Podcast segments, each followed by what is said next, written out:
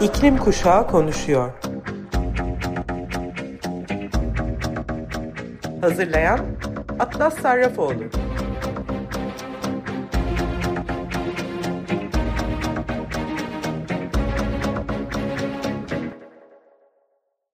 Hepinize merhaba Sayın Açık Radyo dinleyicileri. Her cuma 14'te yayınlanan İklim Kuşağı Konuşuyor programına hepiniz hoş geldiniz. 2024 yılının ilk programı ile karşınızdayım. Ben Atlas Sarrafoğlu. 16 yaşındayım ve Açık Radyo'da İklim Kuşağı Konuşuyor programını yapmaya başlayalı 4 sene oluyor. Bu senede sizlere iklim haberleri, iklim aktivizmi ve çeşitli konularımla sohbetlerimi getirmeye devam edeceğim. Kuşkusuz 2023 yılının en korkunç tarafı bilim insanları tarafından 125 bin yıldan bu yana dünyanın hiç bu kadar sıcak olmadığı gerçeğiydi. 2023 yılının kaydedilen en sıcak yıl olması önde gelen bilim insanlarına göre insanlığın kendi yarattığı iklim değişikliğiyle başa çıkma yeteneği konusundaki şüpheleri arttırıyor. Geçtiğimiz Aralık ayında dünyanın birçok bölgesinde rekor düzeyde sıcaklıklar kaydedildi.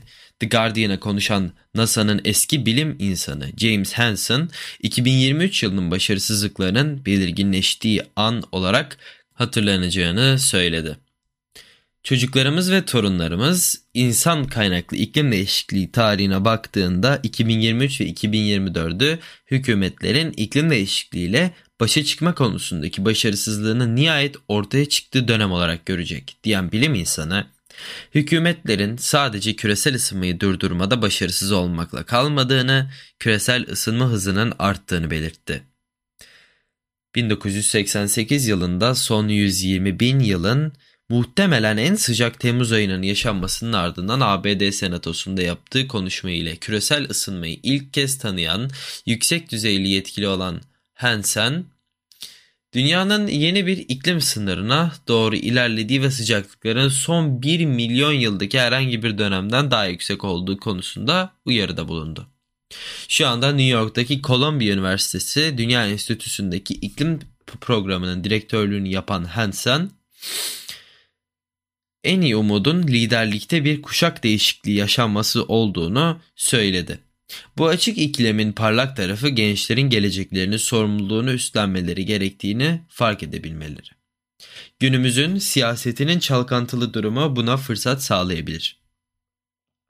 Hansen'in yorumları bilimsel uyarılar ile siyasi eylemler arasındaki muazzam uçurumdan duyulan dehşetin bir yansıması. Dünya liderleri fosil yakıt kullanımının iklim krizine neden olduğu gerçeğini neredeyse 30 yıl sonra kabul etti. Bu sene Dubai'de düzenlenen COP28 iklim müzakereleri ise fosil yakıtlardan uzaklaşma yönünde belirsiz bir çağrıyla sona erdi. Buna karşın dünyanın tehlikeli seviyelerde ısındığı görülüyor. Bilim insanları hala bu çetin yıla ait verileri işliyor. 2023'ün sıcaklık rekorunun kırıldığı yıl olduğunu açıklayan son kuruluş Japonya Meteoroloji Ajansı oldu. Ajansın verilerine göre 2023'ün sıcaklıkları 1991 ile 2020 arasındaki küresel ortalamadan 0.53 derece daha yüksek.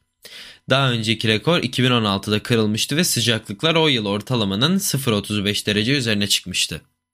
Uzun vadede dünya sanayi öncesi dönemlere göre yaklaşık 1.2 derece daha sıcak.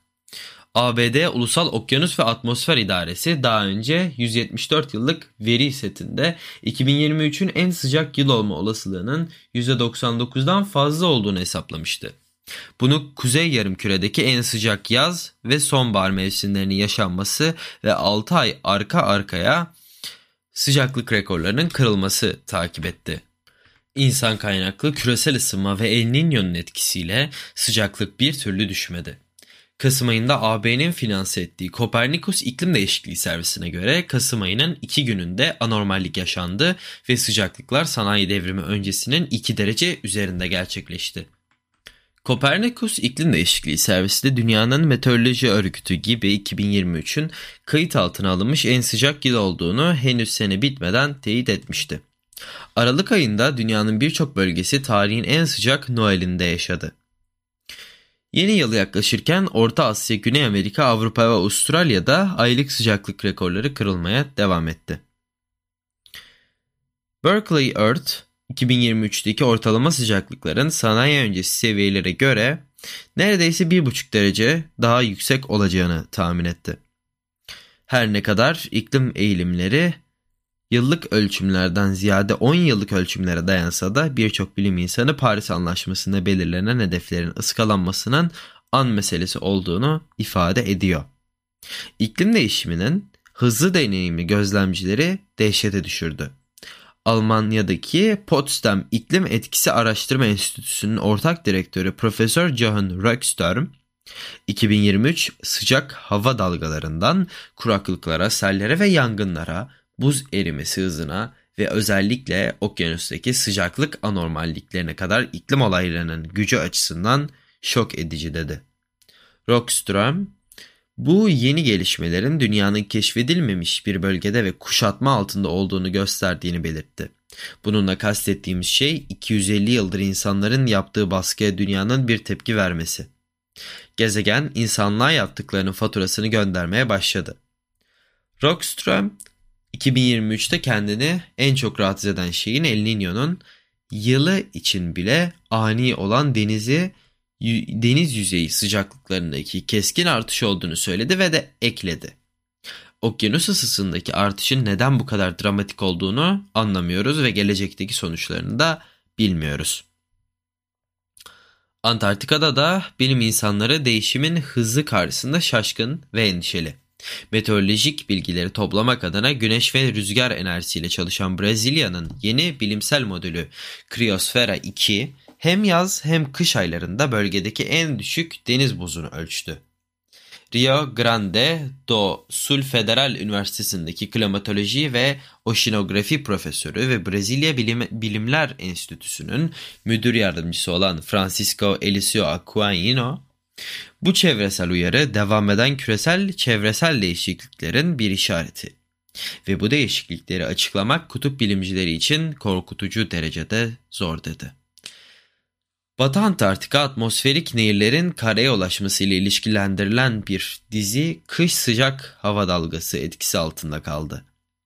Temmuz'un başlarında Antarktika Yarımadası'nın kuzey ucu olan King George Adası'nda Şili'den bir ekip yalnızca kar yağışının beklendiği Avustralya kışının ortasında benzeri görülmemiş bir yağmur yağışı kaydetti. Ocak ayında Weddell denizindeki Brunt buz sahanlığındaki yaklaşık 1500 kilometre kare büyüklüğünde dev bir buzdağı koptu. Bu aynı bölgede 3 yılda meydana gelen 3. devasa çatlama oldu. Aquino, fosil yakıtların yakılmasıyla yakılması yoluyla insan etkisinin kutuplar ve tropikler arasında korkunç dinamiklere neden olduğunu söyledi. Antarktika'dan gelen soğuk ve ıslak hava Amazon'daki rekor sıcaklık ve kuraklıkla etkileşime girerek aralarında benzeri görülmemiş fırtınalar yarattı. Güney Brezilya'da Eylül ayının başında 51 kişinin ölümüne neden olan seller Kasım ayının ortasında benzer derecede yıkıcı bir güçle geri döndü. Aquino bu rekorun dünya tehlikeli ısınma seviyelerine girdikçe nelerle karşılaşabileceğimizin bir örneği olduğunu söyledi. Bu yıldan itibaren küresel ortalama sıcaklıkta 1,5 derece ile flört etmenin ve felaketler için yeni rekorların ne anlama geldiğini somut bir şekilde anlayacağız. Bu yılın en ölümcül iklim felaketi Libya'daki kıyı kenti Derna'da 11.300'den fazla insanın ölümüne yol açan sel oldu. Storm Daniel ile tek bir günde Eylül ayı boyunca şehre düşen yağmurun 200 katı kadar yağmur yağdı. İnsan kaynaklı iklim değişikliği bu olasılığı 50 katar 50 kata kadar da arttırdı. Bir sonraki haberim ise yenilenebilir enerji açısından gelişmelerin hızlanması ile alakalı. Uluslararası Enerji Ajansı raporuna göre 2030 yılına kadar dünyada satılan otomobiller içinde elektrikli otomobillerin payı %60'ı aşacak. 2030'da dünyadaki elektrikli otomobil stoğu 350 milyon civarında olacak. Rapora göre yenilenebilir enerji kaynaklarının oranı hızla artacak. Rapor elektrikli araçların sayısının ve yaygınlığının da 2030 yılına kadar büyük bir artış göstereceğine işaret ediyor. Euronews'un haberine göre 2030 yılı sonuna kadar dünyadaki elektrikli otomobil sayısı 10 kart artacak. 2030 yılına gelindiğinde dünyada satılan araçların %60'ından fazlası elektrikli olacak. Türkiye'de elektrikli otomobil satışları da 2023'te büyük bir ivme kazandı. Dünya Enerji Görünümü e, raporu dünyada enerji sektörüne yönelik analiz ve projeksiyonlar için en yetkili kaynak olarak görülüyor. 2023 yılı raporunda elektrikli araçların kısa sürede ne kadar yaygınlaşacağını gösteren analiz ve tahminler de yer alıyor. IEA verilerine göre elektrikli araç sayısı son yıllarda hızla arttı. Elektrikli otomobil satışları 2022 yılında 10 milyon aşarak 10.3 milyona ulaştı. 2021 yılında dünyada 6,5 milyon otomobil satılmıştı. Avrupa'da bataryalı elektrikli otomobil satış payının en düşük olduğu ülke ise Türkiye. TÜİK'e göre 2022 yılında Türkiye'de trafiğe kaydı yapılan otomobiller içinde elektrikli araçların payı %1.4 oldu. Türkiye'de trafikteki toplam elektrikli otomobil sayısı ise Kasım 2023 ayı itibariyle 69.914. 2022 sonunda bu sayı 14.552 idi. TOG başta olmak üzere diğer firmaların arz kapasitesinin yükselmesiyle 2023 yılında elektrikli otomobil satışı büyük bir rekor kırdı. Türkiye'de trafiğe kaydı yapılan otomobiller içinde elektrikli araçların payı Ocak-Kasım 2023 döneminde 6.5 oldu. Hükümetlerin mevcut politikalarına dayanarak hazırlanan Dünya Enerji Görünümü raporuna göre temiz enerji teknolojilerine destek artacak. Küresel kömür, petrol ve gaz talebi 2030'dan önce zirveye ulaşacak. İlk kez bir WEO raporundaki mevcut politikalara dayalı olan bir senaryoda fosil yakıt talebinin zirve yapacağı öngörülüyor. Küresel enerji tedariğinde 10 yıllardır %80 seviyesine kalan fosil yakıtların payı 2030 yılıyla 73'e inecek. Elektrikli araç sayısının bu yıl dünya genelinde 14 milyon sınırına dayanması ve böylece satılan her 5 araçtan birinin elektrikli olması bekleniyor. IEA raporuna göre 2030 yılında dünyada satılan otomobil, otomobiller içinde elektrikli otomobillerin payı %60'ı da aşacak. 2030'da dünyadaki elektrikli otomobil stoğu 350 milyon civarında da olacak. Yakın zamanlarda yapılan bir araştırmaya bakalım. Şimdi de rapor insanların yaklaşık 1400 kuş türünü yok ettiğini ortaya çıkardı. Bu sayı önceden düşünülenin tam olarak iki katı. Birleşik Krallık Ekoloji ve Hidroloji Merkezi'ne göre modern insanlık tarihi boyunca türlerin 9'da birinin veya %12'sinin kaybolmasına denk geliyor. Ormansızlaşma, aşırı avlanma ve istilacı türlerin ortaya çıkışı yaklaşık 130 bin yıl önceki geç Pleistosen döneminden bu yana insanlar tarafından ortaya çıkan başlıca tehditlerden bazıları. Çalışmanın baş yazarı UKCEH'de ekolojik modelci olan Dr. Rob Cook, insanlar habitat kaybı, aşırı tüketim ve kuş yuvalarına saldıran ve yiyecek için onlarla rekabet eden fareler, domuzlar ve köpeklerin ortaya çıkması yoluyla kuş popülasyonlarını hızla yok etti diyor.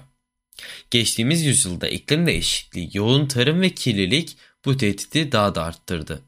Euronews'un aktardığına göre araştırmacılar Yeni Zelanda'yı bir vaka çalışması olarak kullanarak keşfedilmemiş yok oluşları tahmin etmek için bilinen kuş yok oluşlarına dayanan istatistikler modellemeler kullandı.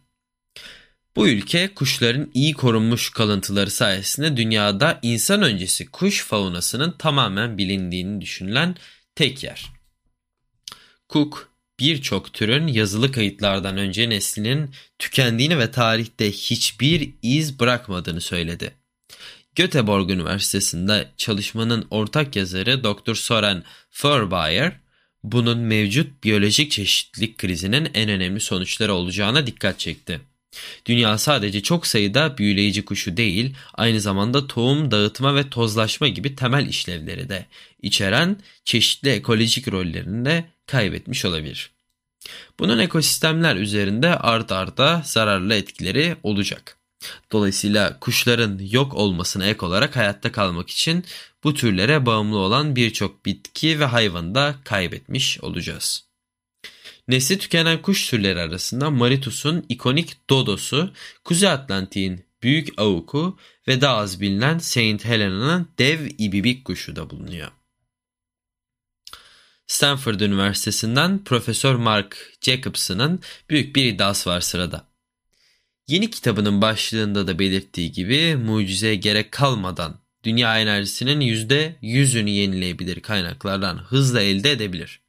Karbon yakalama ve depolama, biyoyakıtlar, yeni nükleer ve diğer teknolojilerin pahalı zaman kayıpları olduğunu belirten Jacobson, rüzgar, su ve güneş enerjisinin bol ve ucuz şekilde enerji sağlayabileceğini, iklim krizine yol açan karbon emisyonlarını sona erdirebileceğini, ölümcül hava kirliliğini azaltılabileceğini ve enerji güvenliğini sağlayabileceğini savunuyor.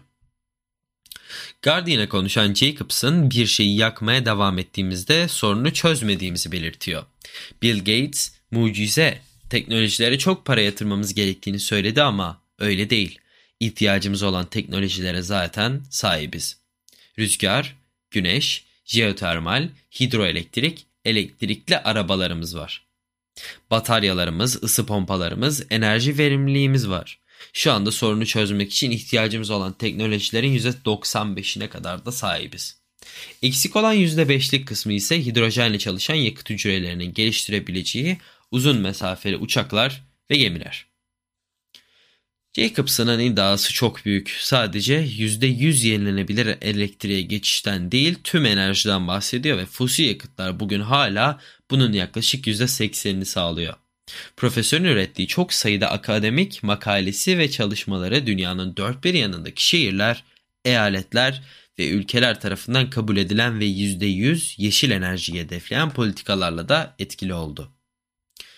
Jacobs'ın aynı zamanda çalışmalarının hatalı olduğunu iddia eden araştırmacılara karşı 10 milyon dolarlık bir dava açması ve daha sonrasında da bu davadan vazgeçmesi nedeniyle de tartışılan bir isim haline geldi.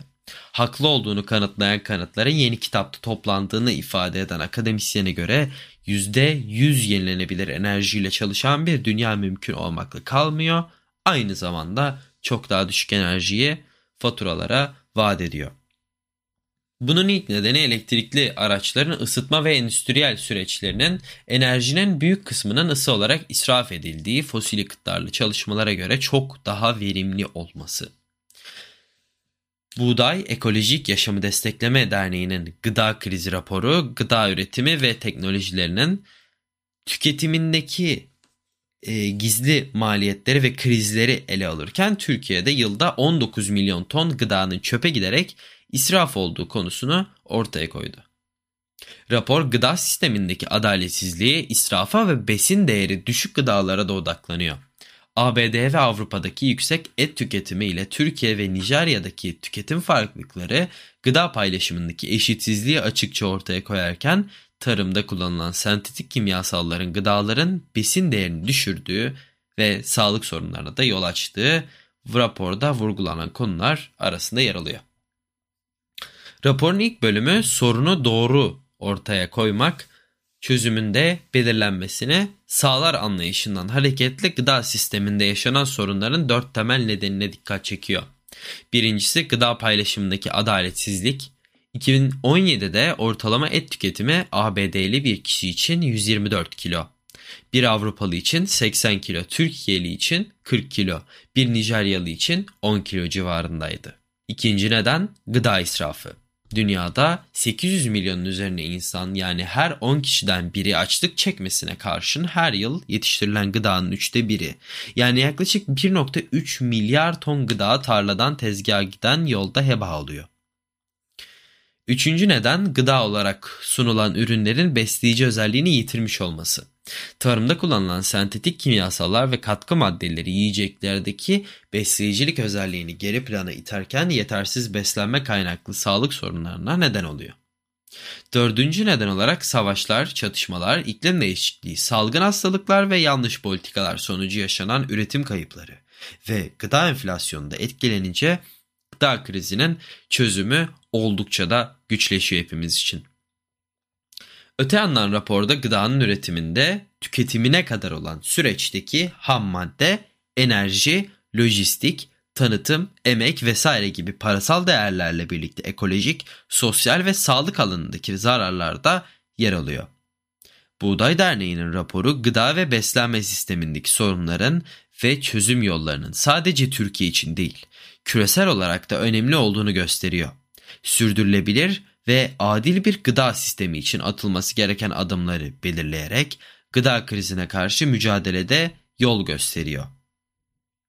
İklim Kuşağı Konuşuyor programı için ayrılan sürenin sonuna yaklaşırken iklim krizinin bu sene etkilerinin azaldığı bir yıl olmasını hepimiz için diliyorum ve maalesef ki haberler ve raporlar tam tersini bizlere söylüyor. Sizler için Aurora'dan The Seed isimli şarkıyı seçtim. Haftaya Cuma günü saat 14'te tekrar görüşene dek kendinize, sevdiklerinize ve gezegenimize lütfen çok iyi bakın. Görüşmek üzere.